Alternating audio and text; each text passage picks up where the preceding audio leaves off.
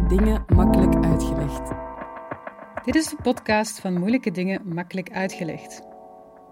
Wie de wereld wil verbeteren, moet wel begrijpen hoe die werkt. Daarom laten we in Moeilijke dingen makkelijk uitgelegd een expert 10 minuten aan het woord om een complex onderwerp uit te leggen.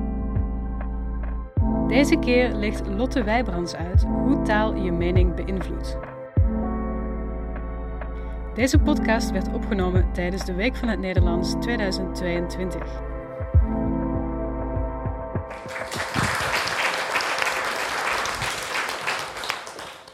Hallo, uh, mijn naam is Lotte Wijbrands. Ik uh, uh, heb inderdaad Nederlands gestudeerd, dus ik ben Nederlandicus. Ik woon in Amsterdam. Ik ben docent Nederlands op een middelbare school en daarnaast schrijf ik ook veel over taal. Ik wil het vandaag met jullie hebben over taal. En niet gewoon over taal, maar over de manier waarop taal je mening kan beïnvloeden. Uh, veel mensen denken vaak dat taal vooral een manier is om de werkelijkheid te beschrijven. En dat kan inderdaad ook met taal. Ik kan bijvoorbeeld nu tegen jullie zeggen: uh, mijn, ik heb witte sokken aan. En jullie kunnen mijn sokken niet zien, zelfs niet als ik hier ga staan, want mijn broek is te lang. En toch hebben jullie nu informatie gekregen, namelijk welke kleur mijn sokken hebben. Ik kan u laten zien, het is inderdaad wit. En dat heb ik door taal gedaan. Ik heb jullie laat iets laten weten wat je anders niet wist. Ik kan ook bijvoorbeeld zeggen, um, ik ga morgen met de trein terug naar Amsterdam. Het is nog niet eens morgen, jullie kunnen niet in de toekomst kijken, maar toch heb ik door taal ervoor gezorgd dat jullie informatie hebben over mijn dag van morgen. Namelijk dat ik met de trein naar Amsterdam ga. En als ik het nog niet verteld had, dan wisten jullie nu ook waar ik woonde, namelijk Amsterdam. Dus dat kan ik doen met taal. Ik kan met taal de werkelijkheid beschrijven. Maar dat is niet het enige wat taal doet. Je kan met taal ook de manier beïnvloeden waarop mensen naar die werkelijkheid kijken. Taal beïnvloedt de manier waarop je de werkelijkheid ziet. En dit principe waarin je mensen waarneming beïnvloedt door taal heet framing. Uh, framing is vooral een term die in de politiek gebruikt wordt, of in het publieke debat. En het is dus een manier om met taal ervoor te zorgen dat jij via een bepaalde bril, via een bepaald frame, naar de werkelijkheid kijkt. En doordat je naar een bepaalde bril naar de werkelijkheid kijkt, zie je die werkelijkheid ook daadwerkelijk anders. Een voorbeeldje. Je hoort de laatste tijd uh, bijvoorbeeld veel over er is een tsunami aan asielzoekers. En misschien heb je dat wel eens gehoord, of een tsunami aan vluchtelingen. Dat is een voorbeeldje van framing. Want wat doe je dan als je dat zegt? Je vergelijkt de komst van asielzoekers naar Nederland, naar België, naar Europa met de komst van een tsunami. Wat weten we over een tsunami? Nou, het is een ramp. Je kunt het niet tegenhouden. Uh, je moet er heel erg bang voor zijn. Het gaat heel veel slachtoffers opleveren.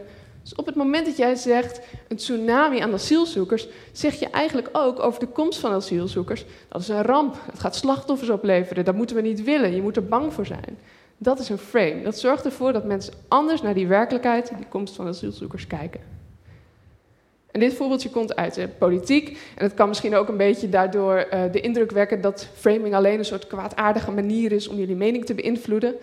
Um, en dat is soms ook zo. Er zijn hele boeken vol geschreven over de effecten van framing in de politiek. Uh, dat voorbeeld dat ik net noemde, framing van Hans de Bruin, is een mooi voorbeeld van als je dat interessant vindt.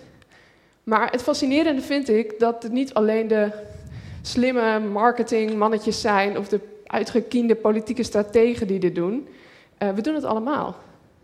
Want stel je nou eens voor dat je een auto hebt geleend van een vriend van jou. En je bent bij het uitparkeren tegen een paaltje aangereden. De volgende dag moet je die auto teruggeven. Wat zeg je dan tegen die vriend? Zeg je dan, hé, hey, ik ben bij het uitparkeren tegen een paal aangeknald? Of zeg je, hé, hey, sorry, ik ben bij het uitparkeren tegen, heb ik een paaltje geraakt? Het tweede. Natuurlijk zeg je het tweede. Of stel je bent op vrijdagmiddag met je, met je collega's nog even naar de kroeg gegaan. En je had beloofd op tijd thuis te zijn. Maar je kijkt op je horloge en je komt erachter, dat ga ik niet redden. App je dan naar huis. Hé, hey, ik zit mijn vrienden in de kroeg bier te drinken. Ik ga dit niet redden. Of zeg je, hé, hey, ik doe nog even een drankje met collega's. Ik ben een beetje later. Het tweede, natuurlijk doe je de tweede. En dat is ook niet gek en dat is niet kwaadaardig en misschien niet eens expres. Maar je moet kiezen, je moet een manier je moet woorden gebruiken om de werkelijkheid te beschrijven. Dus dan kies je maar de woorden die het meest passen bij wat jij wil overbrengen. Maar ook dat is eigenlijk hetzelfde principe. dat is framing. En het gaat de laatste tijd vaak over taal, over woorden die je wel of niet mag gebruiken, over uh, uitdrukkingen die je wel of niet zou mogen zeggen. En ik zal eerlijk zeggen, in het begin vond ik veel van die eh, discussies een beetje onzinnig. Een voorbeeldje hier, het Tropenmuseum in Amsterdam heeft een paar jaar geleden ervoor gekozen om niet meer de term slaaf te gebruiken, maar tot slaafgemaakte. Toen ik dat eerst hoorde, dacht ik, ja, is dat nou nodig? En natuurlijk snap ik dat een slaaf niet geboren is als slaaf, maar dat hij op gewelddadige wijze door anderen tot slavernij is gedwongen. Dat snap ik toch al. Daar hoef ik toch niet een ander woord voor te gebruiken. Of een ander voorbeeldje. Wat is er eigenlijk mis mee om te zeggen dat Columbus Amerika ontdekt heeft?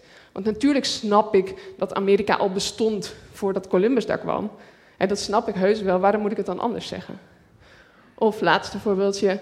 wat is er eigenlijk mis mee om te zeggen welkom, dames en heren? Want jullie snappen toch dat ik iedereen bedoel. De meeste mensen identificeren zich inderdaad als man of vrouw. Er zijn ook mensen die zich anders identificeren, maar die bedoel ik ook heus wel als ik zeg welkom dames en heren. En we snappen toch wat ik bedoel. Ja, we snappen het, we weten het. Net als dat we heel goed weten dat een auto niet harder of minder hard gaat rijden al nagelang met het woordje botsen of knallen gebruiken.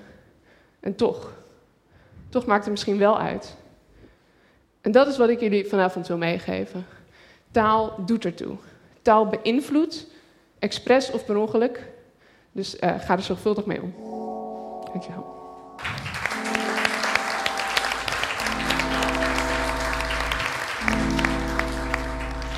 Je luisterde naar Moeilijke Dingen Makkelijk Uitgelegd.